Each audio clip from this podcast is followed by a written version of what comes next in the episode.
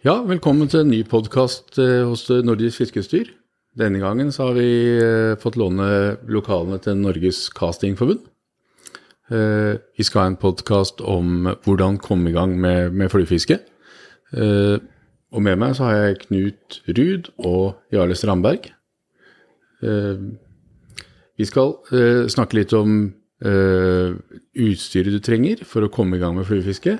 Uh, og hva du må legge i det, og hva du trenger utover stang og snelle osv. Så, videre. så her er det bare å henge med, henge med, så i løpet av en times tid så er du antageligvis uh, mye klokere enn uh, før du begynte å høre på, høre på podkasten. Ja. Men Knut, du kan jo presentere deg sjøl først. Ja, jeg heter Knut, er 45 år, jobber i Norges jeger- og fiskeforbunds fylkeslag i Buskerud. Og jobber med å ha med skoleunger, barnehager, institusjoner ut på fisking og jakt eh, og skyting, for den saks skyld. Og er sjøl veldig, veldig ivrig fluefisker. Eh, lite fluefisking i jobb, da, riktignok, men eh, har fisking som jobb, eh, heldigvis. Og tenker egentlig fisk og fluer og jakt døgnet rundt, året rundt. Eh, og har ja, gjort det siden så lenge jeg kan huske. Og det er jo i hvert fall to uker, da. Jeg har kjent deg siden midten av 90-tallet, tror jeg. Ja. ja. Jobba sammen en kort periode, og, og, og har vel kjent deg siden ja, midt på 90. Og vært superivrig siden, siden eh, ja, sånn 91-92 en gang. Ja, så det begynner å bli lenge siden. Ja, du er en av de jeg kan ringe, ringe som du tenker bare på fiske. Ja, kun. sånn som... Hvis ikke jeg tenker på fisking, så er det bare fordi jeg ikke konsentrerer meg. Ja. Uh, så i det øyeblikket jeg konsentrerer meg, så er det fisk. Uh, 24-7. Det er det. Og så er det Jale, som egentlig har Du har jo egentlig ideen til denne, denne podkasten her, sånn. Det var jo du som egentlig ønska at vi skulle lage en podkast som uh, skulle fortelle litt om hvor ukomplisert det egentlig er å begynne å, å fiske med flue. Ja, det, det, mener jeg er veldig viktig. For uh, det er greit å ha podkast der med nerdene, uh, for all del, som kan mye og sånn, men vi må hjelpe i gang dem som har lyst til å starte, og ikke har eh, kunnskapen, så kan de få litt kunnskap da. For det, det, har veldig lett for å dreie seg imot at der, vi, sitter og prater med 30 års erfaring og navnet på den døgnflua og, og, gjør det veldig komplisert. da. Og etter min mening så er ikke fluefiske så veldig komplisert, da. Så det syns jeg vi også kan ta og prate litt om, da. Gjøre mm. det enkle tingen for å komme i gang. Og gi noen tips om det. Men du har jo også gjort det Du har ikke bare holdt på med enkle ting. Jeg har en Jeg skrev opp noen sånne meritter som du har. Du, er, eh, du har drevet mye, mye, mye, med casting. Ja, fluekasting. Mye det, det, det, er forskjell, Pål. Det, det, er viktig. Fluekasting og casting er forskjell. Men casting som sport, der har du Norgesmester eh, ja, Nei, først fluefiske. Ja. Der har du også Ja, i fluefiskekonkurranser. Ja. Der har du NM-tittel og i gull. Gull NM. Ja. Eh, og for lag. Og individuelt, ja. Mm.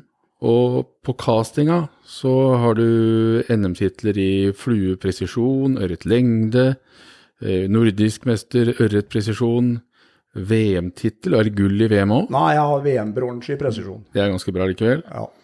Uh, VM-sølv, 18 fot spay på tohåndskasting. Ja. Veldig allsidig. Ja, det har vært litt sånn uh, Jeg vet ikke hvorfor uh, det har blitt sånn, men jeg har jo vært nerd etter hvert, da. Og så begynte jeg å For jeg hørte om NM i fluekasting. Jeg har hørt om NM da jeg var guttunge, i fluefiske. Og så var det tilfeldig at jeg tenkte fader, jeg må prøve. Og så ser jeg hvor bra det er, og hvor dårlig jeg er. Og det var stor forskjell, for jeg var dritdårlig. Jeg, hadde, jeg var sjanseløs. Jeg ble kjørt øh, ja, på min første konkurranse på Holmendammen ute. Men når jeg begynte Min første konkurranse var faktisk i Tønsberg, på en sånn femmercup. Da ble jeg dratt med ned der. Og hadde ikke utstyr sjøl. Øh, bare nysgjerrig. Fikk låne utstyr, og så vant jeg presisjon der. Yes. Uh, min første konkurranse. Og da, da begynte jeg å dra i gang litt. da. Jeg syntes det var moro. også. og det var for å lære. Derfor, og så er jeg konkurransemenneske. Det er jeg. Så jeg, det var det det ble. Og alt er toppa av at du vant Fiskernes mester. Ja, ja, ja det, det, var, det var veldig kult, faktisk. Eh, Ja. Men du har jo da bakgrunn både fra eh, vanlig fiske, sånn som folk bedriver det eh, på fritidsfiske, og, og på konkurranse på både fisking og kasting. Ja, jeg kan ta kjapt min eh, vei inn til fluefiske. Da far min han lærte meg markefiske oppe i Trysil, i noen små bekker, da jeg var eh, 10-11-12 år. Og så fiska de med, med flue på natta i Trysilelva. Og når jeg ble stor nok for å være med på det, så fikk jeg fire meter lang teleskopstang markesnøre og en fortom med tre våtfluer på. Og så gikk vi Vi begynte klokka ti på kvelden og fiska til sånn to-halv tre på natta. Med ren våtfluesving. Gikk og vippa ut den, med den firemeteren. Og så smalt det på sånne små uh, trysilørret Og det var starten for meg eh, til fluefiske. Og så begynte jeg med fluestang etter hvert. eh, og sånn da. Så jeg, jeg sto jo og fiska løye, ja med små, uh, små fluer, uh, eller løve, eller hva det heter. Løve, ja. ja. Uh, For å trene på tilslag og krokefisk. Så det var min inngang, og så har det bare dratt seg på. Da. Så det ble jo en lidenskap i mange, mange år. Jeg har fiska med tørrflue i 30 år. Og masse sjøørret og sånne ting. Så eh, med enkle Starta veldig enkelt. Eh, Og jeg prøver å gjøre det enkelt i dag, for det er ikke så komplisert det her, syns jeg, da. Så, ja. Ja, det, er en, det er en ganske ekkel terminologi eh, som vi bruker innenfor fluefiske, både på navn på utstyr og målenheter osv. Mm. Men vi skal prøve å, å komme oss, eh, bore oss gjennom det nå en times tid, så se om vi kan gjøre det forståelig. Ja, det håper jeg vi får til. Så vi kan jo begynne med, vi kan begynne med fluestanga. Mm.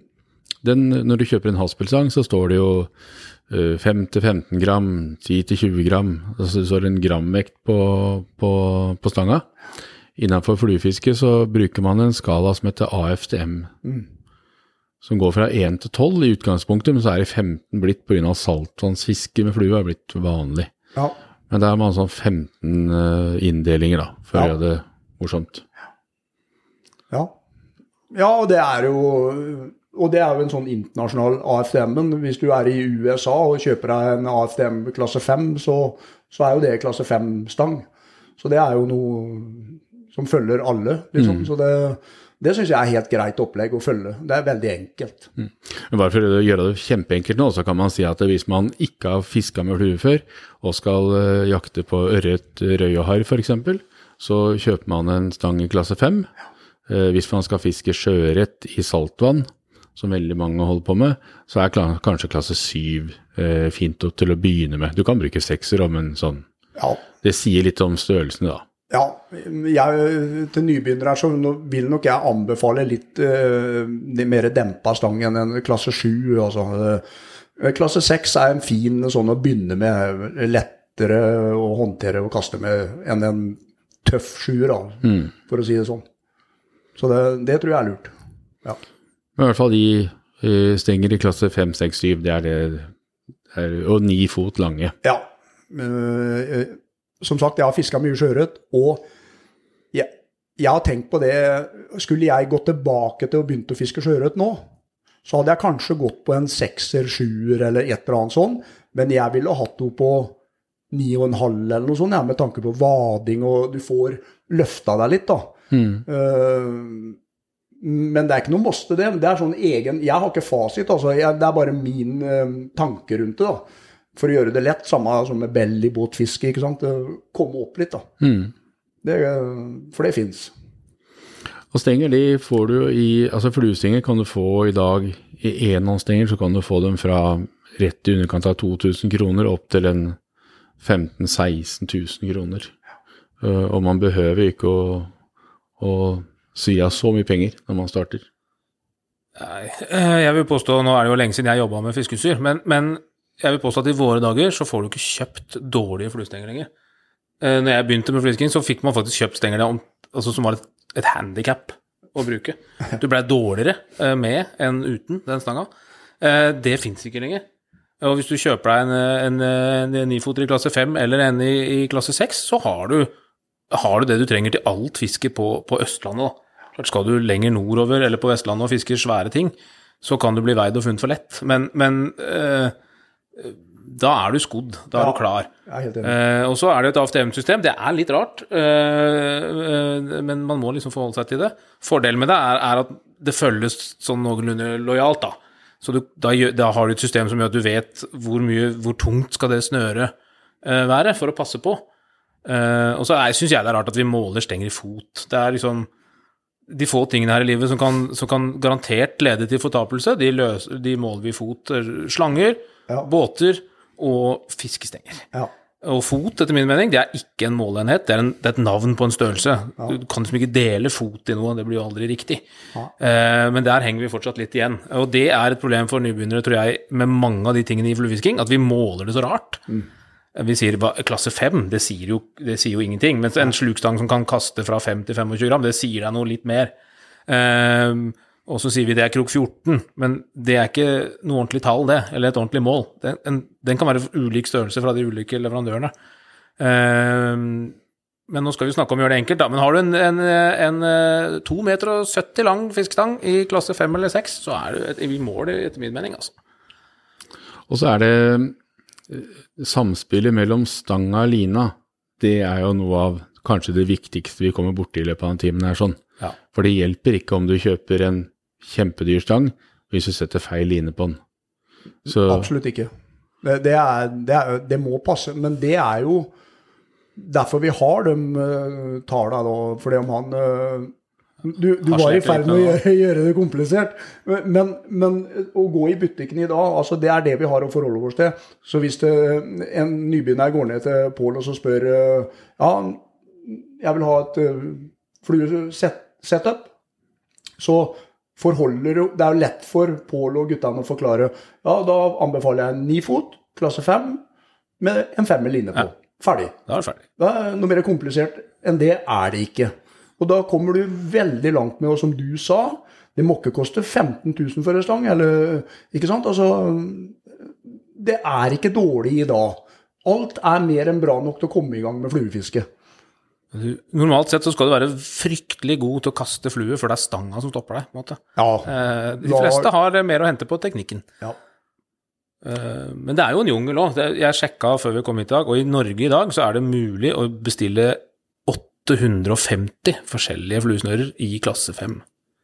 Eh, så det er klart, eh, det fins utrolig, utrolig ja, det er jo helt mye. brutalt. Eh, men ikke se på det. Eh, hør på hva de sier. Kjøp en klasse 5 og et snøre i klasse 5. Og Ja. Da har, da, ja, da har du en stang eh, i- Etter min mening, da. Jeg har fiska med treere, firere, femmere, seksere. Men til innlandsfiske etter ørret i klasse 5, helt perfekt. Etter min mening. Til å kjøre fisk på, kroke fisk på. Det er eh, ikke noe problem. Enkelt og greit. Ikke lag noe mer ut av det enn det. Og så er det viktig at man, tenker jeg, at man ikke nødvendigvis hører på en som er ekstremt god til å kaste. For en som er ekstremt god til å kaste, han vil kanskje foretrekke ei line som du ikke kjenner så godt i stanga, men som nybegynner så er det viktig at du har ei line som, som, som spenner stanga, som du, hvor du kjenner lina hele tida. Mens andre, noen andre kan foretrekke at det liksom glipper litt mer og synes det er morsomt å kaste med. Men til å begynne med er det viktig at du har ei line som, som, som spenner stanga hele veien, som du kjenner, som du klarer å time. Jeg er enig i det, men øh, du skal høre på en som er god til å kaste, etter min mening, men det er jo hans jobb å forklare en nybegynner de tinga på en ordentlig måte, så det ikke blir vanskelig. For uh, det, det må begynnes uh, med et kastekurs, og da må du høre på en som har kasta før. Øh, og da lærer du jo disse grunnprinsippa, grunnteknikken, i et vanlig overhodekast. Og så kan du jo nerde deg av gårde etter hvert. Men øh, det er viktig at dem som instruerer, så må det gjøres enkel, altså enkle tingen for å få til et fluekast. Og det går veldig fint, altså. Det, det går veldig bra. For de som ikke har sett eh, ei flueline eh, ordentlig, eller studert ei flueline noen gang, så kan jeg prøve å forklare hvordan den ser ut. En flueline er eh, som regel mellom 27 og 32 meter lang. Det er en kjerne, og rundt den så er det PwC, og på flyteliner da så er det små luftbobler inni PwC-en her.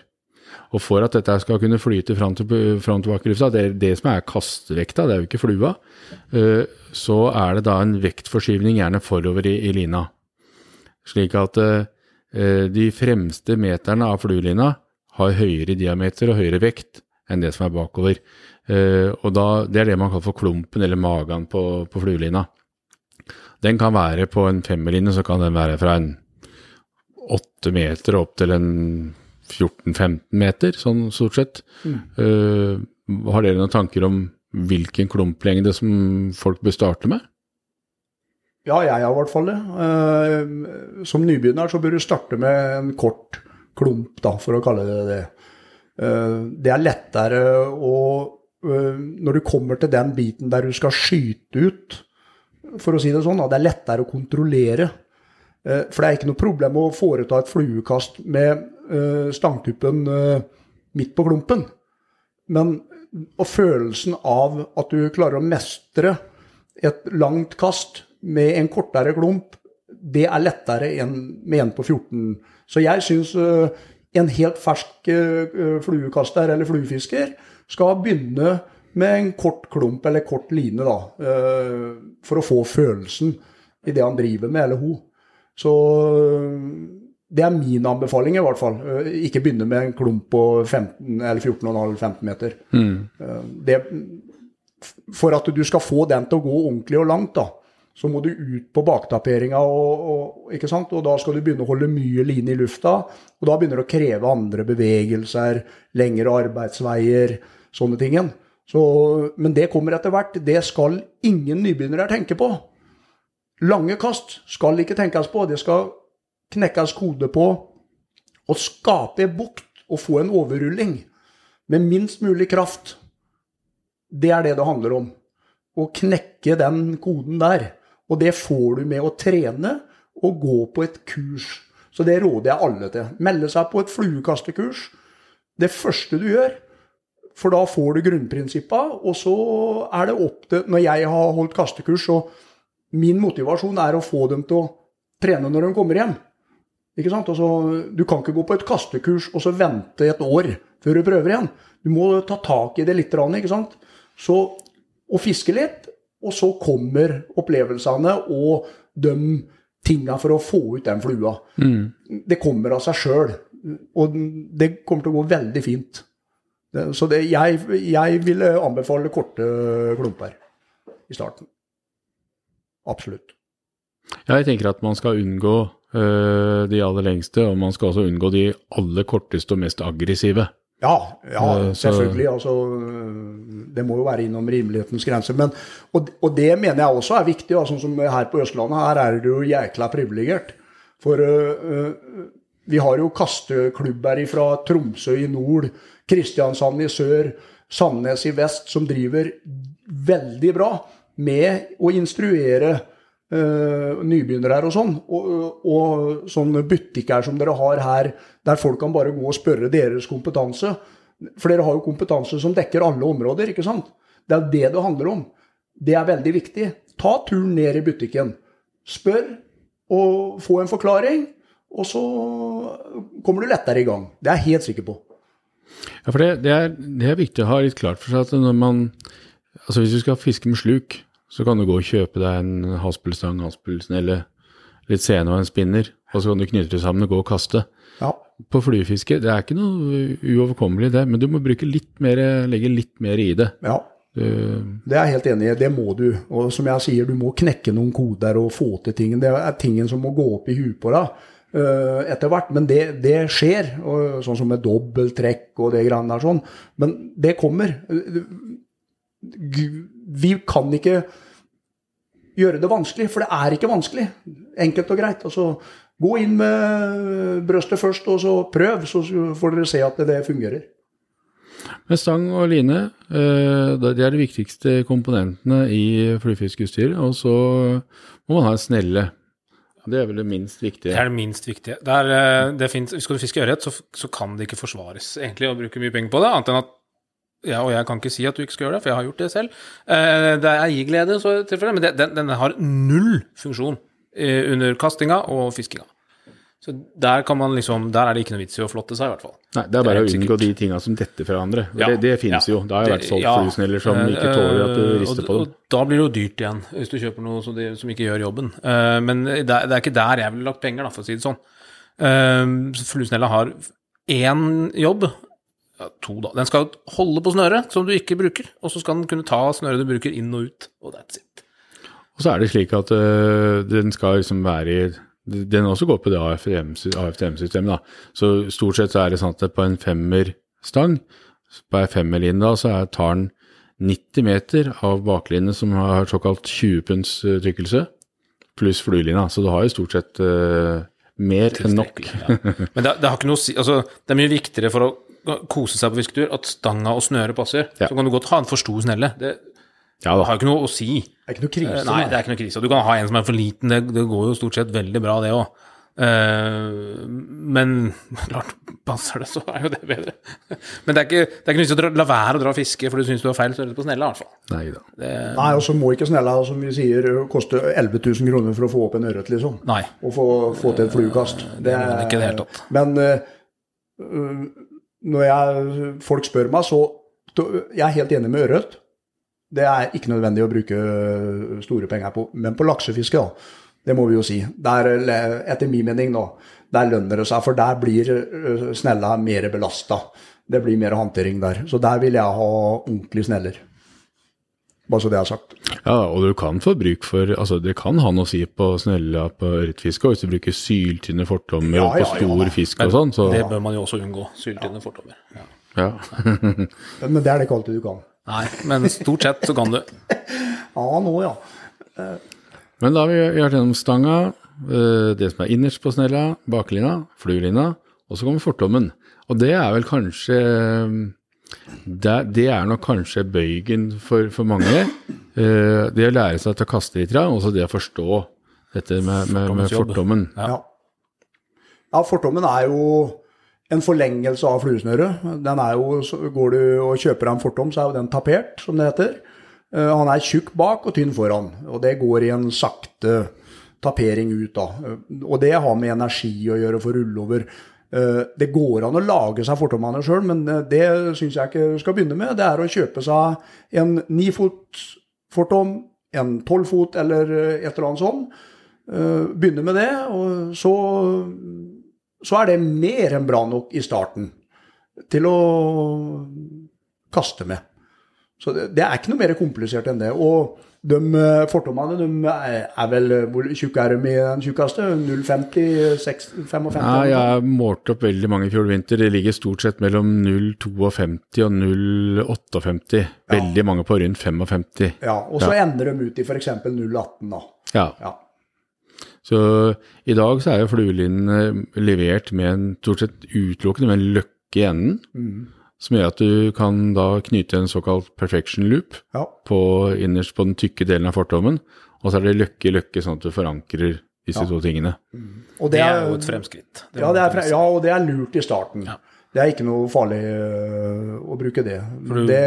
Det forsvinner øh, kanskje for noen øh, når hun blir litt mer øh, Jeg bruker aldri det på ørretfiske. Men til å begynne med så syns jeg man skal bruke Ja, det. helt enig. Og hvis, og hvis man ødelegger en løkka på spissen av fluelina, så kan du kjøpe løkker som du kan sette på nye der, da. Det òg. Eh, Fortommer er en av de tingene som eh, Det er ikke noe vits i å knytte seg veldig sterkt emosjonelt til fortommen sin. Den kommer til å gå i stykker. Eh, Innfinn deg med det, og, lag deg, og bruk de løkkene, så du lett kan skifte. Ja. Fordi hvis det, er, hvis det er sånn at du må knyte det, og det sånn, når jeg starta, så hadde vi ikke løkker. Vi brukte noe som het nåleknute, som var et jævla mareritt. Eh, og da kvia man seg for å bytte, og så hadde vi masse, hadde jeg, eller jeg hadde masse vindknuter eh, på fortommen og orka ikke å bytte. Og så ryker det da når du endelig får en fisk. Ja. Eh, så bruk sånne løkker, tre det inn i hverandre, og, og bytt fortommer. Altså. Mm. Og så kan man jo fikse de opp når man kommer hjem, og, og, og røkte og greie, men, men eh, eh, ikke, ikke, mm, ikke gjør det vanskeligere enn nødvendig. Bruk de løkkene, og tre det bare inn i. Det funker enig. kjempefint. Jeg er helt enig. Øh, jeg snakka med en en gang. Han hadde brukt fem år av fisketida si for å prøve å få bra fortommer. Øh, ok, hvorfor det? Nei, han mente på overrulling og øh, Legg vekk det. Det er ikke nødvendig for å få ut den flua. Enkelt og greit. Ja, nå får du jo kjøpt det ferdig, som er veldig bra. Ja. For 20 år siden så, så måtte du lage dem sjøl, men, men nå kan du gå og kjøpe, og det funker, og det er løkke i enden, og ja, gjør, gjør livet ditt eh, så, så smertefritt som mulig. Helt klart. Hvis man fisker med tørrflue, så er det jo Uh, vanlig å bruke spiss på 0,15 er kanskje den mest vanlige spissen å bruke på tørrflue. Så det man kan gjøre, er at man kan kjøpe en fortom som er eh, ni fot, like lang som stanga. Og så kan du sette på et uh, snau meter med 0,15 Altså kjøpe en nifots fortom som slutter på 0,18. Og så setter du da på en snau meter med 0,15 etterpå. Fordi hver gang du bytter flue, så spiser du opp litt av fortommen. Ja. Også de vindknutene som av en eller annen merkelig grunn kommer, dem kommer gjerne i den ytre delen. Så kan man uh, Og de kommer veldig ofte uavhengig av vind nå, så det er litt Ja. rart det der. Å, sier du? Ja. Ja. Det kalles eh, kasteknuter, men det er en annen Ja, diskusjon. nei, jeg har ikke hørt om vindknut. Det opplever jeg veldig sjelden. Og så er det mange i dag som, som, som foretrekker å kjøpe en nifots eh, fortom som slutter på 018, og så knytter du på en mikroring uh, igjen der, som er en sånn liten metallring som er fint polert, som er to millimeter i diameter. Og så setter man på da et stykke med 015 foran eh, der igjen.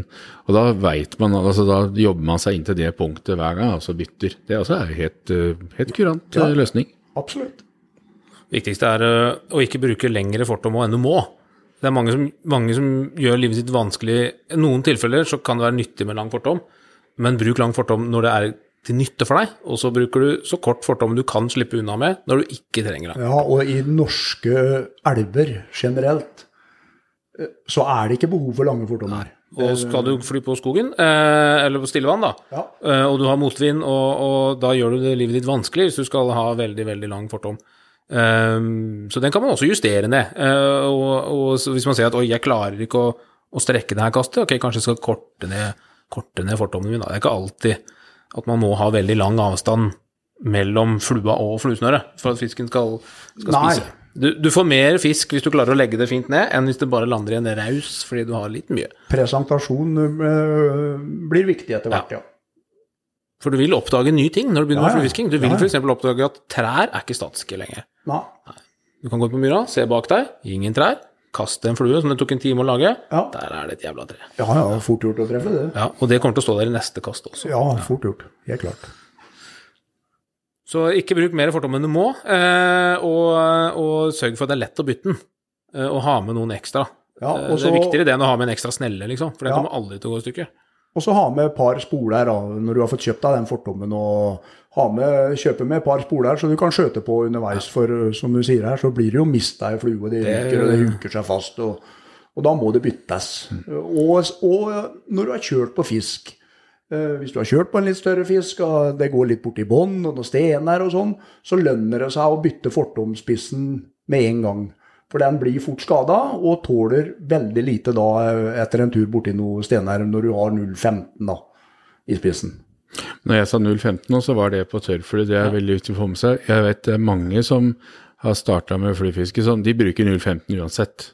Ja. Uh, Det funker jo ikke. Hvis du bruker en tung streamer, en tung nymfe eller noe sånt noe, da må du opp på tykkere fortom. Både for at de er litt stivere for å slå over ordentlig, og for at fisken tar det ganske hardt. så det, Du drar deg i tilslaget. Du, tilslag under vann, du har ikke samme kontrollen som hvis fisken går opp og tar noe tørt. Så på ørretfiske så er det vanlig å bruke, jeg vil si, fortommerspisser fra 0,22 og ned til 0,12. Ja. Det er liksom hele det spekteret der Ja, som, du, som du bruker. Jeg Men til å begynne med, så tenker jeg at der, da forholder du deg til sånn enten 0,15, 0,16 eller 0,18 på, på tørrfluene dine, og, så, og så, så starter du med det. Start med det. Det er eh, en enkel, et enkelt utgangspunkt. Og, og jeg er enig i det med spesielt når du driver med pullfiske og skal fiske under vann og sånn. Så jeg bruker Jeg har eh, noen økter om sommeren som jeg er ute og fisker matfisk oppe i Hallingdalen. Og da det, det går ikke an å sette på 0, eh, 17 og 15 og sånn på det fisket jeg driver med der, for da mister jeg 70% av fisken min. Kanskje 80 òg. For jeg må opp på 20. 22, ikke noe problem i hele tatt. Hvis du dykker under med noen nymfer og sånn. Det går så fint, så. Ikke noe problem i hele tatt. Så det er jeg enig i. Det er veldig viktig å tenke på, øh, de forskjellene der. Altså Ørreten, når han tar under vann og øh, du trekker ei kuluen under vann, så er han aggressiv. Han kommer inn og smeller til henne, ikke sant. Men på tørrfluefiske så kommer du bare opp forsiktig og super og i seg, og så kommer tilslaget. Det er helt noe annet, da. Eh, Spesielt på sånn, sånn tørrfluefiske. Så det er viktig øh, å få med. Og skal man gjøre det enkelt for seg selv, så er det også en idé å slå et slag for både nymfe- og streamerfiske. Eh, Også for å få fisk, da. Ja, Eh, for det er ikke alltid det vaker.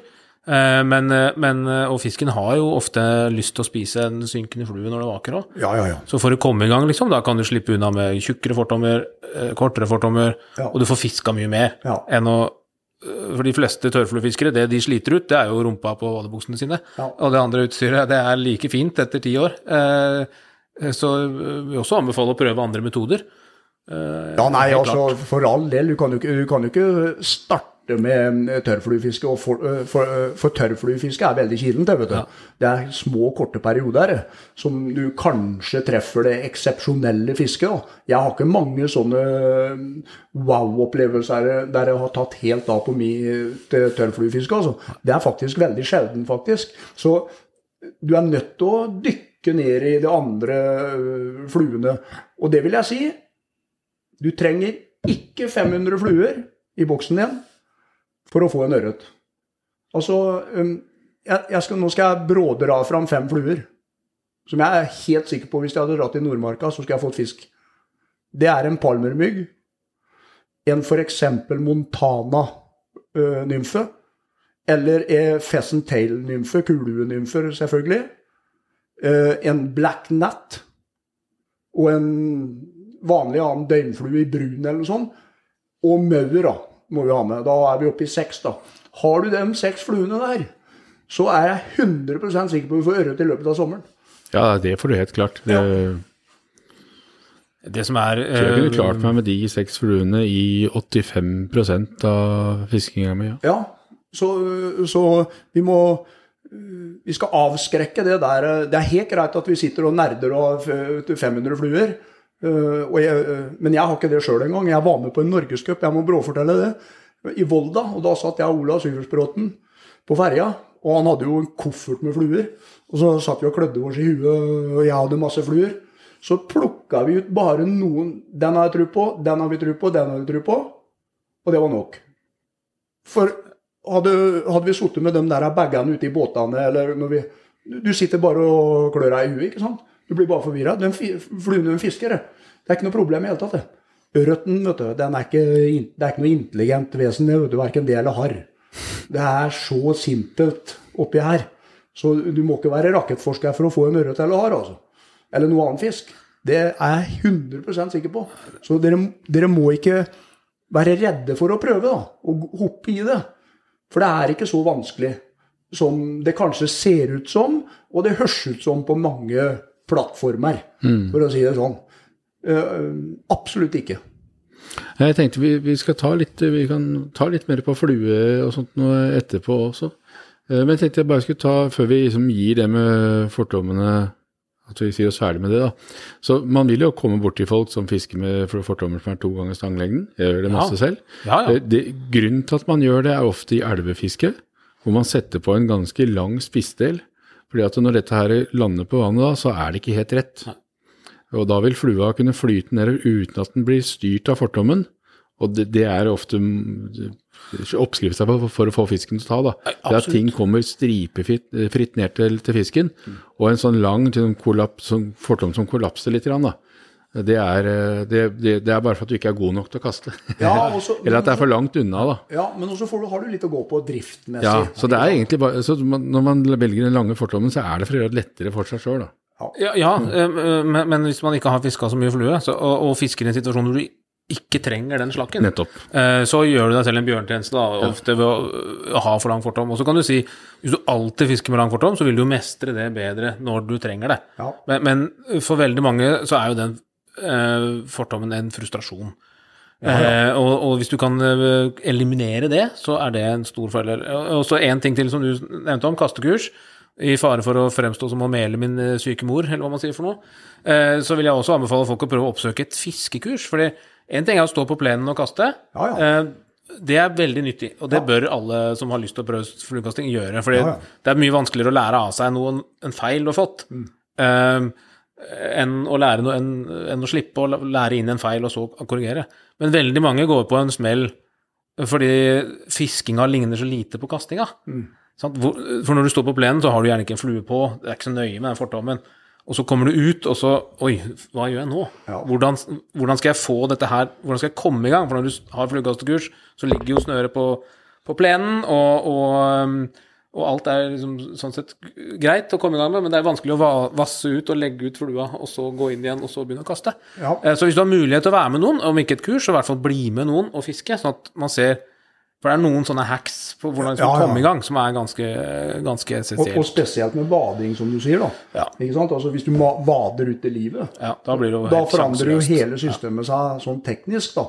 Men det finner du ut etter hvert. Men øh, det er helt riktig. Det er, øh, hvis det er noen som arrangerer praktisk fiskekurs med flue i nærheten der dere bor, så Det er, det er bare å melde seg på, for det er gull verdt hvis det er noen som øh, driver med det. Men nå var jeg inne på uniformen, da. ja. Vadebukse. Når eh, må man ha det? Når trenger man det?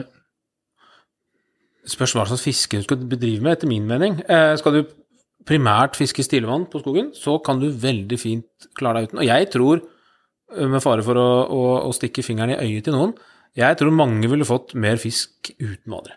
Jeg tror mange vader altfor mye, og uten å se seg for først, og uten å tenke. Mm.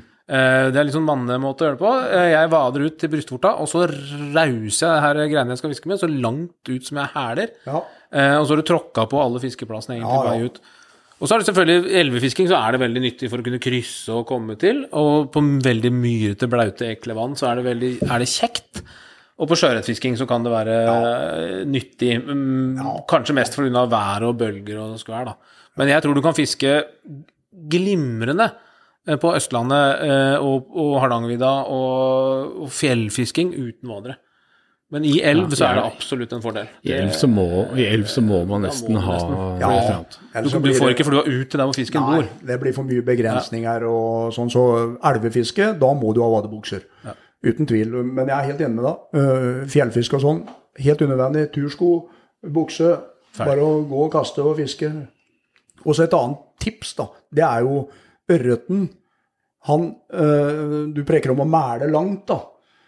Hvis dere er litt lure, da, så venter dere f.eks. litt utover eftan-kvelden, det begynner å øh, skjømme på litt, så trekker ørreten inn til land. Ja. Han går veldig nære land og beiter. Det er mye viktigere synes jeg, å gå forsiktig enn å ja, kaste ja, ja, ta dere forsiktig fram, og så begynn alltid å fiske inne og fisk dere ut før dere begynner å tråkke på noe som helst. Det, der kan dere få tre fisker der før dere begynner å vade. Uh, Så det er for ørreten uh, går og jager uh, nærme, nærme land, altså. Absolutt. Så det er viktig. Ikke vade i hjel. Men ja. Ja, det er nok den typiske feilen man ser at nybegynnere gjør. De stiller seg gjerne på, en, på spissen av en odde, Ja. eh, kaster det så langt de kan, i samme retningen hele kvelden. ja. Ikke oppskriften på Men det er fordi eh, når man er fersk, og det husker jeg veldig godt selv, så gikk du der hvor det var fint å fiske, og ikke nødvendigvis der det var bra. Fint å kaste. Ja, her var det greit å kaste, her føler jeg at jeg kan kaste langt, og jeg kan vade langt. Ja, men det syns jeg er helt greit, det. Ja, ja, Ja, ja. Altså, også en annen ting som er veldig lurt på skogsvann. Hvis dere finner en odde, og det er en del ørret, og dere ser han vaker De store, litt fine fiskene, de er litt sånn De tar plassen sin. Så hvis du følger med på den fisken, så har han faktisk nesten en sånn beiterunde. Så det er bare å være litt tålmodig. Så hvis du, han er utafor hold, så kommer han veldig ofte tilbake igjen. Hvis du sitter rolig og ikke skremmer han bort, da. Eh, Så, så Tilnærminga til vannet er viktig. Gå pent og rolig. Lav profil. Sitt og se litt, og så kan du begynne å fiske. Du snakka om eh, kurs, fiskekurs osv. Hvis man ikke har muligheten til å melde seg på noen fiskekurs, og ikke har noe sånt spesielt miljø, så er det et par bøker som er ganske brukelige. Uh, Pål Krogvold har skrevet to bøker. En som heter uh, 'Fluefiske fra A til X'. Veldig fin bok for å få inn terminologi. Og for de som eventuelt er veldig interessert i, i insekter da, så har han skrevet sammen med Kjetil Sand en bok som heter eh, 'Insektlære for fluefiskere'. Så det fins et par bøker som, eh, som setter ting veldig på plass, da. Ja, det kan være lurt å også nå i dagens uh, samfunn så har vi jo noe på TV eller på telefon med YouTube, og du, kan jo, du får jo alt. Ja, Jeg ville slå et slag òg for det med bøker. Jeg er Ja. helt enig der. Eh, Det er eh, ryddig og riktig, syns jeg, fremstilt. Og så er er det ingen som skal selge deg noe. Nå er det litt, eh, Jeg skal jo ikke problematisere det i den settingen vi sitter i nå, men, men eh, der står, det som står der, er, er gjennomtenkt og ordentlig. Og, og det er ikke noe skjult agenda liksom, med noe. Eh, og man slipper eh, eh, trolling og, og sånn. Eh, det er jo det verste som kan skje i en fluefiske-ting på nett, er hvis noen begynner å trolle i det. Vi liker jo ikke verken dorging, trolling eller merktefisking. Så hvis du kan forholde deg til analoge medier, så, så er bøker veldig, veldig bra, altså. Ja, ja, og så det er jo masse erfaring da, i de bøkene du nevner. Ja. Eh, egenerfarte opplevelser og, og sånne ting. Så absolutt, hvis du har lyst til å sette deg og lese en sånn bok, helt klinkende, bare dunke til det. Kjøp den. Og så er det en, en oppfordring egentlig til de som holder fluekastekurs for nybegynnere, at de i tillegg til at de har et par, to eller tre kvelder ute på praktisk fiske, også tar med deltakerne inn. øh, Og tar en øh, prat innendørs en kveld også, og forteller litt om fordommer og impregneringer. og Litt det vi holder på med nå, da, Ja, og-. Og knuter. Og knuter, ja. Nå, knuter, det kan vi, nå kan vi snakke om knuter. Det kan vi. Altså, det er det viktig å kunne. Og du trenger ikke mange. Eh, og vi kommer sikkert alle til å bli enige, vi tre, om hvilke knuter med det skal være. Men velg deg to knuter, da. Og øv på de, og så kan du de. Og så sitter det. Ja. Ja. Det helt, helt enkelt. Ja. Ja. Det tenker jeg også er den der knuta du velger å feste til flua, eller den du bruker til å skjøte fortommen med. Tren på det et par ganger hjemme Ja. øh, med et glass vann, så du får fukta scenen før du drar til osv. Tren litt på det hjemme, øh, spesielt de skjøteknutene på fortommen, så slipper man å stå og, og bruke tid ute på, på vannet på det. Ja, for du kommer i situasjonen der du ser det vaker foran deg, og så ryker det greiene, og så er du urutinert med knut her, så blir du stressa for du har lyst til å fiske, og så koker det helt over. En fordom floker seg aldri når du har god tid. Det har aldri skjedd. Nei, nei, nei jeg, jeg hørte du har nevnt vindknut der, og så, jeg vet, jeg vet ikke hva det er for noe. Men hvis man, hvis man står skikkelig i beita og ikke husker å ha jernteppe, så finnes det noe som heter animatedknots.com. Ja. Der eh, finner du alle knutene. Hva kalte du det, sa du? Animatednot.com. Oh. Det er på, til og med på YouTube. Så Oi, kan du ja. se sånn tegnefilm på hvordan du lager knuta. Ja, så bra. Får du ikke til da, så får du det aldri til. Nei. Ja, men det er bra. Så, men vi kan jo si navnet på de knutene som eh, trengs for å skjøte fortom. Der er det vel egentlig to stykker som du kommer langt med. Blodknute og trippel kirurgknute. ja. Er det noen som skal si vanlig dobbel kirurgknute nå? Nei, jeg bruker trippel. Trippel. Eh, og, og, og, og, og så er jeg veldig klønete og distré, eh, så jeg bruker kun den. Jeg bruker aldri blodknoten, eh, for jeg har frykt for å knote til. Ja. Eh, Blodknut, blodknuten er den du surrer og ja. to veier. ja. ja, den er, blodknuten er, er fin hvis du skal knyte på en ørretfortom, da. Hvis du skal skjøte, plutselig må skjøte noe inn på mellom 35 og 40 og sånn. Det blir en penere knute da enn en trippelkirurg. Nei, Men en jeg, jeg, jeg bruker ikke annet, ja. Har aldri røket. Nei. Den Erik har jo blodknute. En trippel kirurg er vel enda sterkere på de tynne Ja, jeg synes den, og den tåler stor overgang, og, den er, og, så har jeg den i fingra. da. Sånn. Eh, ulempen er at du må bestemme deg på forhånd hvor lang spissbit du skal ha. For at det er mye lettere å knyte den når du har bit, Mm. klippet av. For da må du ta liksom hele den tampen ytterst tvers gjennom knuten et par ganger. Mens blodknuten, da kan du egentlig ha snøret på spolen. Altså den, den du skal, biten du skal skjøte på. Og så kan du knytte, og så kan du bestemme etterpå hvor lang du vil at den skal være. Men det her er sånn Lurt Men, å prøve det et prøv, par prøv en av de, da. Og så øv til det sitter. Uh, og, og det er jo ikke snakk om rakettvitenskap, det heller. Ikke rakettvitenskap, det er to knuter. Det er 20 minutter hjemme en kveld med et vannglass. Så er det, det er nesten morsomt. Hva bruker du på flua, du, da? Akute? Hva heter den, da? Uh, ikke sikker på hva den heter. jeg. Jeg tar snøret én gang gjennom krokøyet og lager en løkke, og tre ganger gjennom løkka og strammer til. Ja. Enkelt og greit. Ja, nei, jeg, kan ikke jeg kan, vet ikke navnet på den jeg bruker. Jeg brukte brukte sluknuten før, hvor du tar to ganger gjennom. Ja. Men så ble øynene over 40 år, og da kan jeg bare drite i å få ja. uh, Selv om jeg er på gjeddefluer, så kan jeg bare drite i det. Ja, det jeg tror den heter palomarknut Det eller er derfor jeg har begynt å fiske laks, for jeg øh, fisker med 0,48, for da klarer jeg å knyte. Nei, men, øh, men det er på, jeg, som sagt min knute, og som jeg har lært, den lærte jeg av Tor Grøthe. og Det, vi var på, det var vel etter VM i Skottland eller noe sånt, og da en portugiser igjen som hadde lært han. Den knuten er bare helt vanvittig bra, men jeg klarer, det er ikke noe navn på den, og han blir vanskelig å forklare. Men den ligger på YouTube, den knuten. Men eh, det som er viktig, når man står og kaster da, og får en sånn vindknute, en uplanlagt flueknute på fortommen, da må du kappe og bytte. Ja, De knutene som du ikke har lagd sjøl, hvis du får på en fisk da i tilslag, da ryker det. Ja. Altså Det er helt sikkert at det ryker. Ja. Og det er kanskje det, den største feilen jeg gjorde når jeg begynte med fluefiske. Det var at jeg var for dårlig, eller kjøpte dårlig fortlånsmateriale òg. Dårlig fortlånsmateriale, Ja. dårlig til å knyte fluer, og så ser du at det har kommet en sånn øh, knute 20 cm fra flua, og så gidder du ikke å bytte. Og det er eh, Så mister du drømmefisken. Ja, Det var vel ikke akkurat drømmefiskene, Nei, nei, men, men du kan. det vi gjorde veldig mye da eh, når jeg var guttunge, er at vi fiska med sånne dubba døgnfluenymfer. Altså en lodden døgnfluenymfe på krok eh, 10 eller 12 på skauen, akkurat når det begynte å bli overgangslyset på kvelden. Gjerne hvis det var sånn, litt sånn brutt overflate, litt sånn svak kveldsvind, og kaste den nymfa ut i denne kveldsvinden, kveldsvinden altså håndtviste den inn. Da fikk vi fisk. Det var den enkleste måten vi fikk fisk på. Ja. Og så begynte vi med Montana etter hvert selvfølgelig og fikk en del fisk på det. Ja. Men det var det fisket vi eh, det, var, altså det er jo sjelden tørrflueforhold, som du sa i stad. Ja, det det. Så det var jo dette du mest kom borti. Um, og da var det jo Vi brukte for tynn fortom og dårlige knuter, og da det var veldig mye fisk som nappa til, og så sto du der med hadde ofra ei flue til til en fisk. Det er fort gjort, det, altså. Veldig fort gjort. Ja. Helt klart. Uh, fluer, eh, tørrfluer, de må impregneres. Ja. Det er viktig å si noe om, for det er veldig mange som ikke vet. De må impregneres. De kommer- f- før og under, ofte, fiskinga. Uh, jeg bruker noe sånn eh, silikonfett uh, som jeg har hengende i en sånn liten tube på, på uh, sminkepungen, eller hva skal vi kalle det. En sånn liten sånn, jeg er ikke noe glad i fiske, jeg er ikke noe glad i å drasse med meg masse greier. Så jeg har én flueboks med meg, og den er i en sånn der liten væske som jeg har hengende rundt skulderen. Og på utsiden av den så er det da én tube med sånn silikonfett som jeg liksom tar på flua før jeg begynner å fiske. Og så bruker jeg en sånn tørkepulver uh, i en sånn liten flaske med en sånn sminkebørste på, uh, sånn at man kan mate det ordentlig inn i fluene. Og det er det jeg bruker.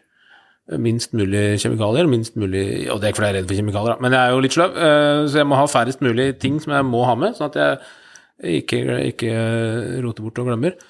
Men impregnering, det, det, det trenger man. Uansett hvordan den flua er lagd, så vil den før eller siden synke.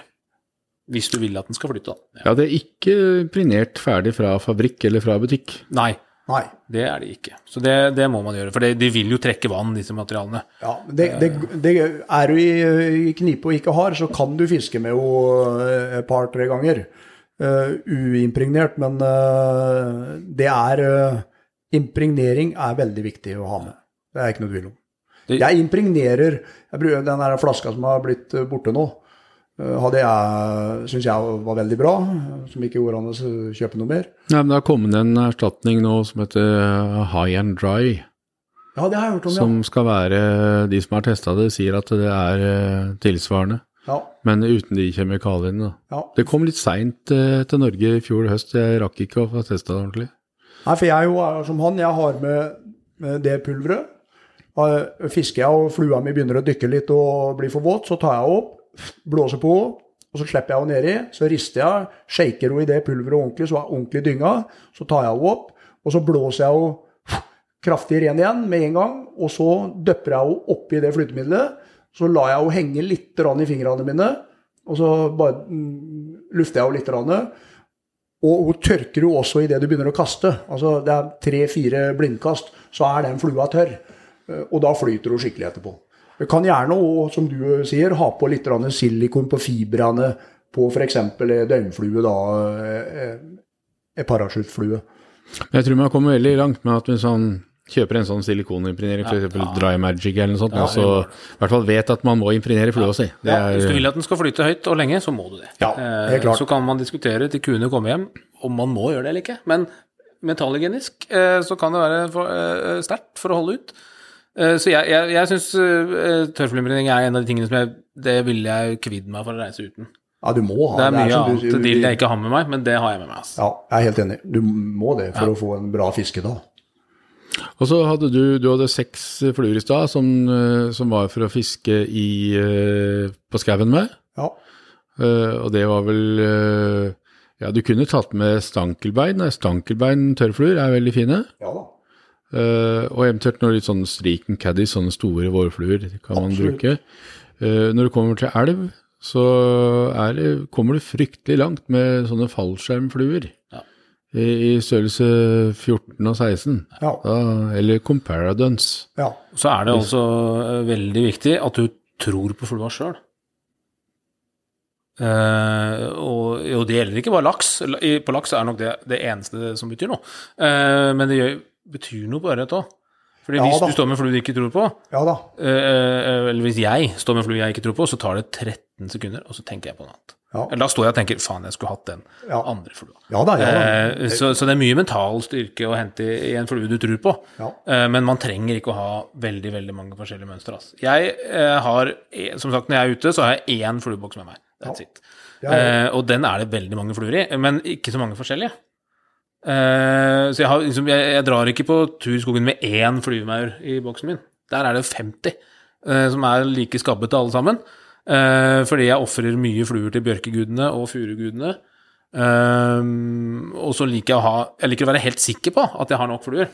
Men jeg trenger ikke Nei, nei, eh, veldig, trenger veldig ikke mange tre- forskjellige. Nei, 300 forskjellige. Nei, det har jeg ikke. Eh, men å ha liksom eh, ha ganske mange av hver syns jeg. Jeg liker ikke å begynne Jeg begynner aldri fluer på tur. Eller rett før jeg skal på tur. Det gjør jeg nå. Mm. Og så er boksen liksom locked and loaded fra, fra påske og, og ut, da. Uh, og mange av oss gjør nok fluevalget mye vanskeligere enn nødvendig. Uh, jeg tror ofte så, har, så føler vi at vi har feil flue, og, og det blir refusert, men jeg tror fisken ofte ikke har sett det, eller at vi har fiska den feil. Eh, eller at vi har skremt den på annet vis, da. Veldig ofte på elvefisk i hvert fall, så er en måte å få fisken Altså, du, hvis du er i tvil, bruk, velg en litt mindre flue. Det er ofte veldig eh, Man tenker at er det mulig å få fisken til å henge på der, det står krokstørrelse 18. Jo, de, de henger på, Ja, de henger på seg. men fisken tar dem ofte mye lettere når det er små, små fluer. Og har du for mange fluer, liksom du snakka om i stad, når dere har vært på konkurranse, ikke sant? har du for mange fluer, så står du hele, hele turen med trynet ditt ned i boksen. Ja, det blir ikke noe. Eh, og jeg har sett mye rart når jeg har fiska, men jeg har aldri sett noen som fikk fisk mens de kasta. Og jeg har aldri sett noen som fikk fisk med stangen under armen og fortommen i munnen og, og skulle Da, da er det veldig vanskelig å få den til å ta. Ja. Og så skal du, i hvert fall i, i, i vann, da, skal du fiske i vann, så er det mye viktigere å fiske den Sett på én montana, da, altså fisk fem steder på det vannet, Ja. enn å stå ett sted med fem forskjellige fluer. Eh, og det aller viktigste å investere i du skal, hvis du har lyst til å begynne med fluefisking, det er tid. Ja. Så du kan kjøpe alt mulig av utstyr, men det spiller det, Mye av det vil være til hinder framfor hjelp, Uh, hvis du ikke er villig til å legge inn tiden som trengs. Uh, og du trenger egentlig bare én fluestang, og så finnes det 500 forskjellige. Og så trenger du et snøre, og så etter hvert så mener jeg at mange har mye å hente på å prøve flere liner, framfor å ha flere stenger. Ja, ja. At du kan ha synkende liner for å fiske på andre forhold, du kan ha noen liner for, for lange kast i store elver, og noen for mer en sånn spesialkast. Uh, men å legge inn tida Klart. Og, og gjøre sånn som du har gjort, da, øve mye på kasting.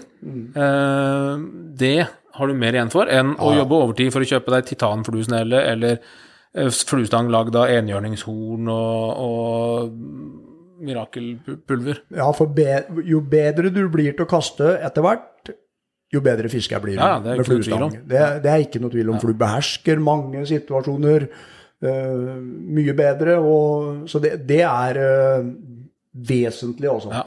Og så må man huske at fluefisking og eh, flue og fiske bare når den ligger på vannet. Ja. Eh, Så, for det er fort gjort å bli litt sånn kaste... Har feil har jeg gått i òg, blir veldig sånn kasteorientert. Uh, Men å ja, huske på at du får bare fisk når flua ligger på vannet. Ja, ja. Ja. Og jeg kaster mye mindre nå enn før. Jeg får mer fisk på skauen uh, enn jeg gjorde for 20 år siden. Og så kaster jeg kanskje 50% mindre enn jeg gjorde før.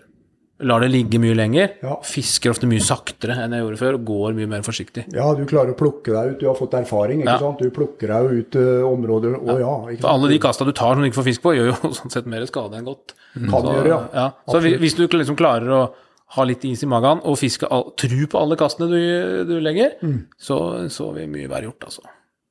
Samme er det jo på sjøørretfisking òg. Det, det er fort gjort å tenke at jeg må kaste fryktelig langt eh, for å få sjøørret. Det må man ikke. Eh, og sjøørreten vet jo, eller fisken vet jo ikke at du egentlig hadde tenkt å kaste fem meter lenger. Så hvis du syns det der var et litt mislykka kast, det ble så kort, Ja. så er det ikke nytt å bare rape alt inn og drulter ut igjen så fort du klarer. Nei da. Det kan hende at det, ja, fisk som ikke er forstyrra, bor nært, nært land. da. Ja da, det gjør den, det gjør den ofte. Og det, som sagt, på tider av døgnet kan jo det forandre seg litt. Men det, det finner dere ut etter hvert, og den erfaringa får dere. Men sjøørretfiske er jo for meg pælmefiske, kaller jeg det da. Der, der må du få kaste, altså. For eh, du må lete etter fisk, eh, sånne ting. Så der kan dere ikke være lei å kaste. Men jeg mener jo det er en genial arena da, til å begynne med. For der får du kasta mye. Altså, for du, du kan ikke sitte Eller du kan, men sitte tre timer og kaste øh, fem minutter, og så sitte tre timer og kaste ti minutter. Det, det er ikke sjøørretfiske for meg, for sjøørretfiske handler om å ha flua på vannet veldig mye. Ja, klart. Finne fisken, fiske over områder, grunner og sånne ting. Og i den øh, prosessen der, så lærer du deg vanvittig mye ting da, med kasteteknikk. da. Da går det opp noen lys. Å, dæven, den traff jeg på! Å, jækler! Den gikk fint, ikke sant? Og så er det jo å repetere det, da. Så sjøørretfiske er jo for, etter min mening en, den beste arenaen å begynne på da, når det gjelder fluekasting. Og med vanlig enkelt trekkfiske. Så, sånn som dere som bor langs kysten, anbefaler jeg på det sterkeste. Få tak i glasslinje eller uh, intermediate-line. Jeg bruker bare glass til mitt fiske, og det vanvittig bra.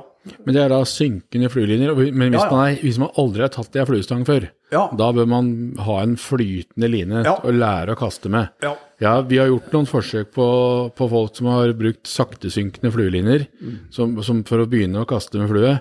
Det er ikke, de, de går ganske fort da, i lufta. Ja, begynn, med flyteline. så Så man begynne er jo lettere å håndtere sånn fisketeknisk i starten. For det er mye når du er helt ny. Ja, ja. Mye å sette seg inn i, også på sjøørret, og så knoter man litt. Og så hvis du har synkende line, da, så setter det seg i tang og alt mulig. Men, men helt klart skal du ha én, når du kommer litt inne, én line til sjøørret. Uh, glassline. Uh, og mange uh, kunne jo fått mye mer fisk hvis de hadde huska på når du kommer på skauen. Hvis du har fiska sjøørret hele mars, april, mai, og så kommer du på skogen, og så tenker du annerledes. Så det er jo samme fisken. ja. Ja, det er dønn samme fisken. Jeg bruker, Så jeg du kan fiske bare på samme måten. Ja, jeg bruker kun glasslinje jeg, på det fiske jeg, matfisket jeg driver med i Hallingdal i eh, to-tre turer. Det er ikke tema å sette på noe annet. Saktesynkende glassline. Og fiske inntrekk samme måte. Ja, ja. Fiske samme tid på døgnet. Ja. Vi fisker sjøørret om natta, og så fisker vi liksom på skauen om dagen. Ja. Eh, Men det er den samme fisken, så Ja. du kan bruke de samme fluene på natta eh, med samme resultat. ja, kommer veldig langt med det. Og på, vi snakka om uh, dimensjoner på fortomspiss i stad.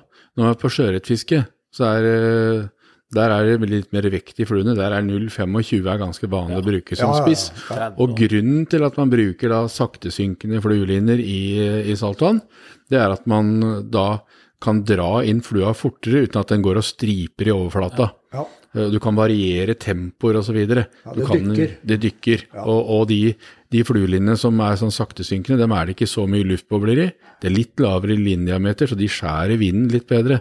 Eh, Det kan jo blåse litt heftig langs, eh, langs sjøen. Og man skal ikke glemme at det er dødelig teknikk eh, i stillevann òg. Ja, ja. Eh, på skauen og på fjellet. Eh, undervurdert.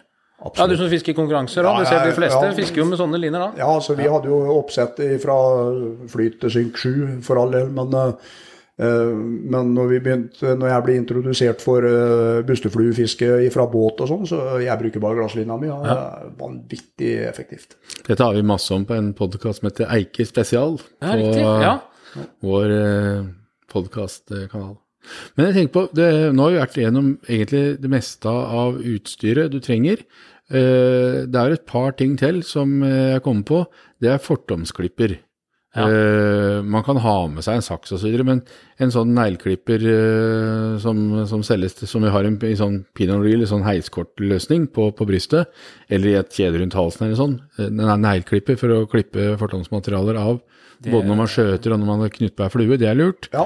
Det, du sparer inn den kostnaden på tannlegekostnader senere i livet. Ja. Særlig så begynner med fluorkarbon. Eh, ha, med, en, ha med en sånn klipper. Det, det koster null kroner, og det, det Ja. Og så er det mottaker på mye fluer. Eh, Det her er jo ikke noe særlig å få i øya eller i øra eller så, og så videre, så bruke briller eh, når man kaster med flue, Ja. det er lurt. Og eh, en eller annen ting på hodet som beskytter øra litt, er heller ikke feil. Ikke feil. Jeg har hatt streamerne i bakhuet, ja. Så det er, beskyttelse er viktig. Og spesielt, som du sier, øya. Da. Det, får jeg, står du og kaster ute i havet etter sjøørret, og du står her med en stor streamer, og så klemmer den til deg midt i øyet. Da, det kan jo bli- fatale skader. Så det skal vi ha veldig respekt for. Bruk beskyttelse. Briller er veldig viktig. Det er eneste HMS-utstyret du egentlig trenger. Ja. Briller, og så litt dømmekraft. Uh, eh, skal mye til å dø av fluefisking. Ja. Eh, men det dør flere av fisking i året enn det gjør av fallskjermhopping. Eh, så eh, litt eh, vett er lurt å bruke, men briller absolutt.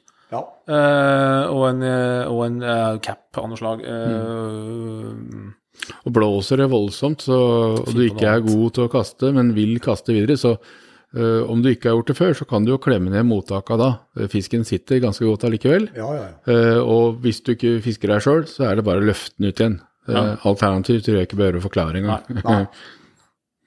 Nei da. Det funker. Og så dra ut uansett. Uh, og hvis du, har liksom, hvis du har tenkt å begynne med fluefisking, så er det jo alltid fristende å ha med både slukstanga og fluestanga.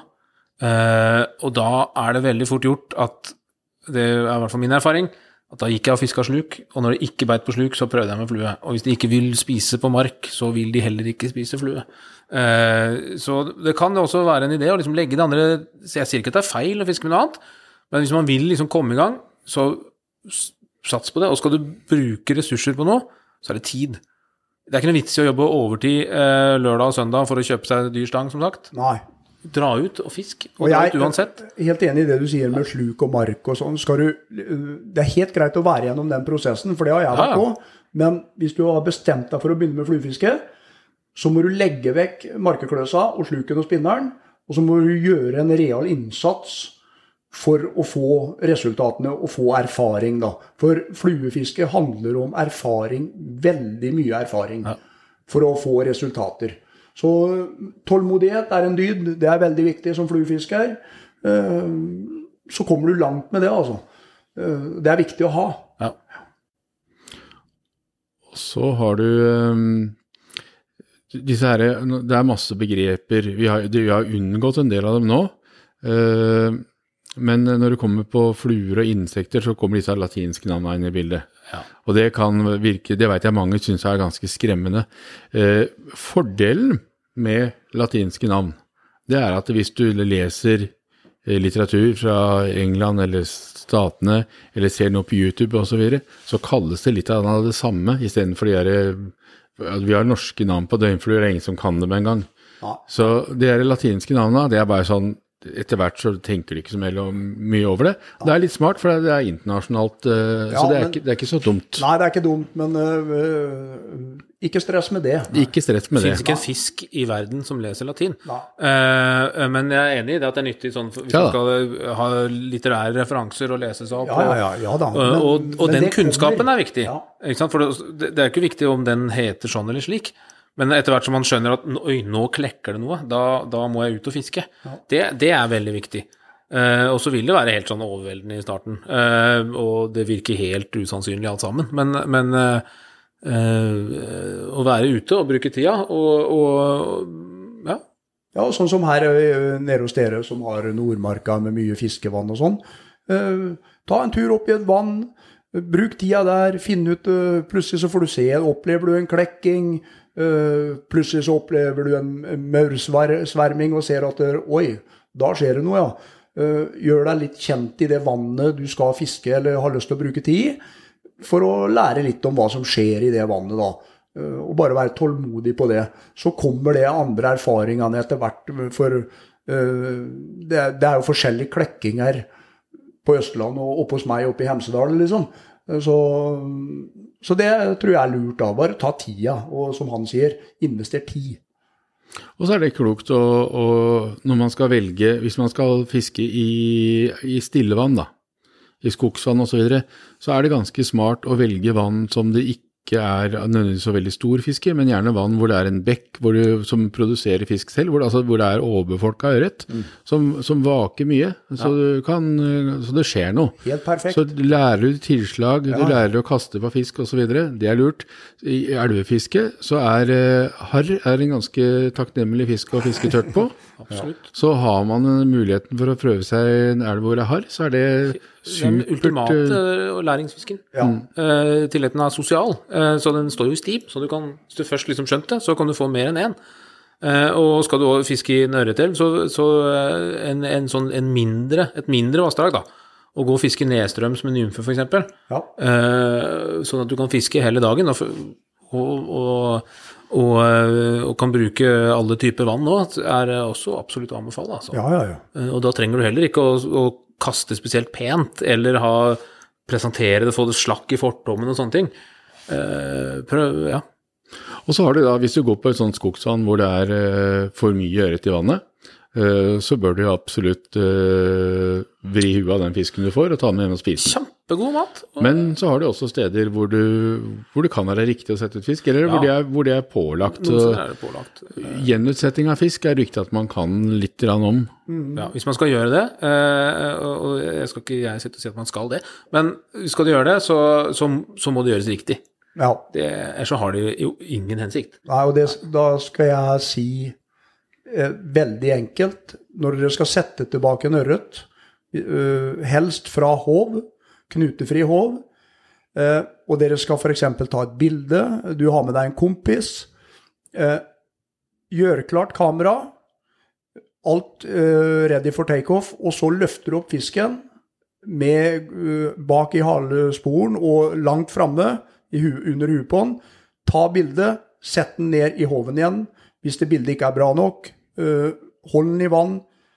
Uh, ta en avgjørelse på at jeg må ha et nytt bilde opp, ta bildet igjen, og sett ned fisken.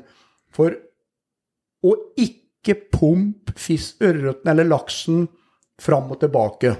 Den skal stå rolig i strømmende vann imot strømmen. På stille vann, bare stå og hold den helt rolig. For hvis du pumper ørreten eller laksen fram og tilbake, så får du en drukningsfølelse. For da åpner gjellene seg sånn. Uh, så den tida, den må vi få vekk. Og så skal ikke ørreten eller laksen dras opp på land. Ta avgjørelsen om at han skal slippes ut igjen, så gjør alt ute i, i vannet. For da skader ikke fisken seg. Blir den håndtert for hardt, så blir det her feil. Og vi har uh, vitenskapelig svar på akkurat det at det fungerer. Vi hadde et telemetriprosjekt i Hemsil der uh, Morten Krobel hadde ansvaret for de fiskene, eller det prosjektet der. Og han sa jo det her er jo en, egentlig en verdenssensasjon, for vi, vi fiska opp 15 fisker, tror jeg. Uh, satte inn uh, GPS i dem, og han sa det at der, ingen av fiskene har tatt skade. Vi fulgte dem hele vinteren igjennom for å se hva som skjedde i Hemsil med de 15 fiskene. Vandringssystem og sånne ting. da. Så ha det er veldig viktig at vi behandler fisken med respekt når han skal settes tilbake. Absolutt. Gjør det fort og rolig. Så ikke, ikke hold fisken over vann lenger enn du er villig til å holde huet til fotografen under vann. Ja. Nei, ja, eh, altså, så enkelt er det. Og ja. ikke legg den på land. Lagd, fisk er ikke lagd for å ligge på land. Nei, nei, fisk er ikke lagd for å bli tatt på med tørre hender. Fisk er ikke lagd for å bli holdt etter halen eller holdt etter huet. De, de, er annerledes enn oss. Nei, ja, fukte, fukte hendene før du tar den opp, og behandle den forsiktig for å sette den ut igjen. Det er veldig viktig. Når jeg ser de laksene som blir dratt opp etter stenrøysene, opp i gresset i full panikk, og så er de jaggu kær med dem etter fire-fem minutter, og så prøver å sette dem, eller setter dem ut igjen. det provoserer meg nå. Jeg blir forbanna, rett og slett. Sånn skal det ikke være. Det er bare å slutte med. Såpass informerte og opplyste bør fluefiskerne i Norge være. Eller uansett fisketype, om det er sluk eller merk eller noe som helst. Det greiene der, ikke bra. Bør man jo fokusere på at vi måler fisken i, i kilo, og ikke i Instagram. Så er det ikke nødvendig å ta 50 bilder av hver eneste nei, nei. nei, nei. Eh, Du bør ikke ta bilder i det hele tatt. Nei, du kan fint la Det går helt fint uten. Eh, Og Ja, nå ja. har ikke jeg, sitter ikke jeg og sier at jeg aldri tar bilder av fisk, men, men, eh, men gjør det skånsomt. Ja. Og det er et levende vesen, tross alt. Og Ja. vi er faktisk avhengig av samfunnets aksept for å få lov å fiske. Ja. Så hvis vi hiver ut fisk som er dårlig behandla, så, så dauer de. Og det er jo helt meningsløs bruk av ressurser, egentlig. Og de aller fleste steder i Norge så trengs det å tas ut fisk. Ja, det Det er det. ikke farlig å knekke nakken på noen ørretpinner. Det eh, fins knapt et stillevann på Østlandet, tør jeg påstå. Hvor de ikke, hvor de, som ikke tåler uttak. Da. Så skal du selvfølgelig være forsiktig med, med kremindividene. Ja, ja. Eh, og, og det gjelder uansett hvor du er hen. Eh, Men, men eh, veldig, veldig veldig mange stillevann, og mange elver òg, har på en måte en eh, ikke bærekraftig bestand av små fisker. Det er min påstand. Så det er helt fjernt at vi har minstemål, f.eks. Det er verdens teiteste regel. Ja, mange steder er det helt håpløst. Ja, ja, ja. Men da tror jeg vi har vært gjennom eh, ganske mye. Ja.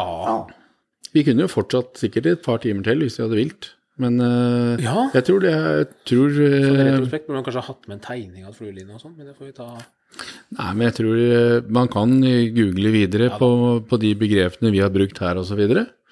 Uh, ellers er det bare å, å ta kontakt, så Ja, og så Så vi få avslutte med det at vi, som jeg nevnte i starten nå, altså vi har kasteklubber eh, med fiskere fra nord til sør i Norge. Ta kontakt med dem, sånn som Oslo Sportsfiskere her i, i Oslo. Fantastisk anlegg på Holmendammen. Alltid en eller annen som er der og kaster.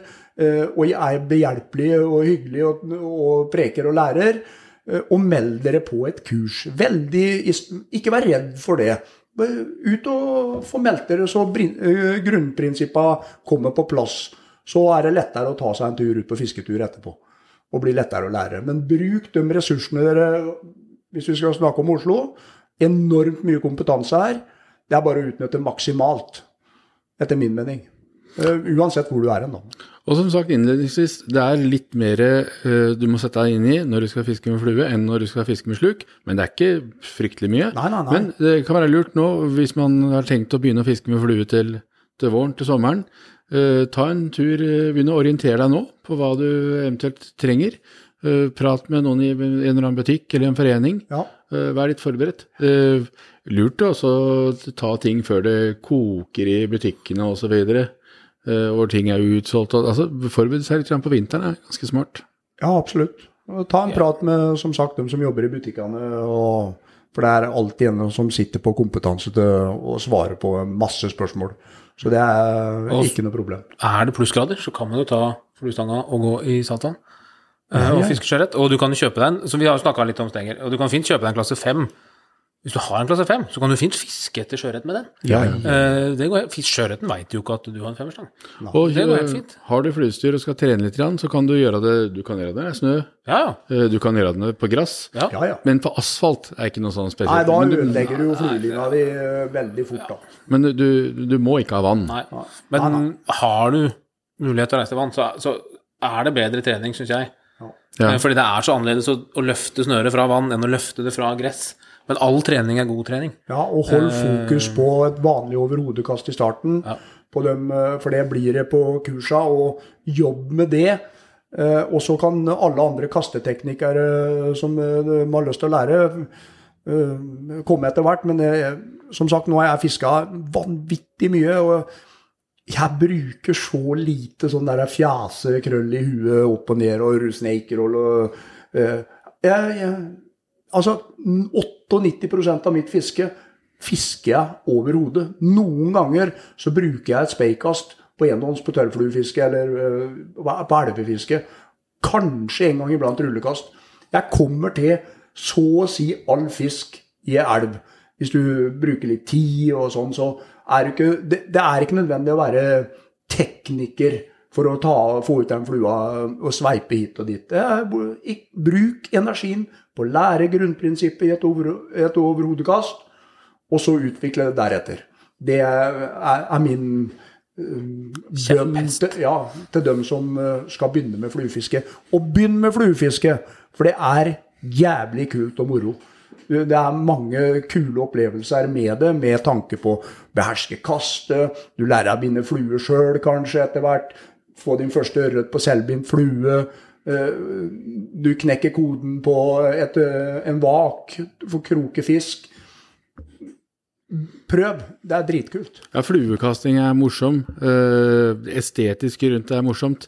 Det er en, det, å kjø, det å dra inn en fisk fra fluestang ja. er jo en helt annen opplevelse ja. enn å sveive den inn på, med havsbøsnellet. Ja, ja, ja. Helt enig.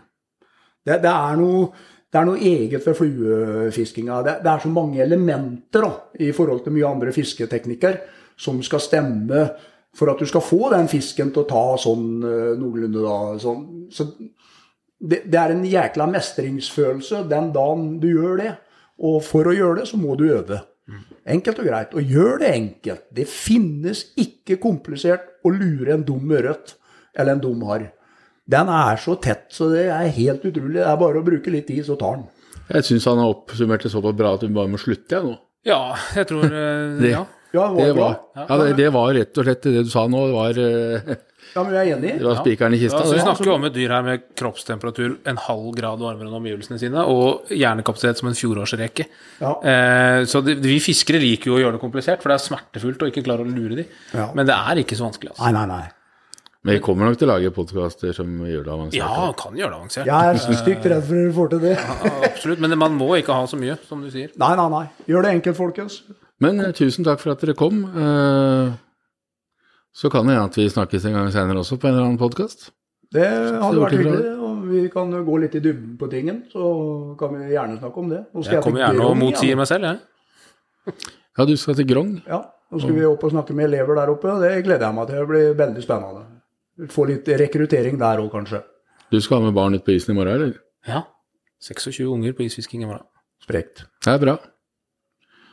Da gjør vi oss klare for morgendagen. Oh yes. Takk for oss. Prekkas.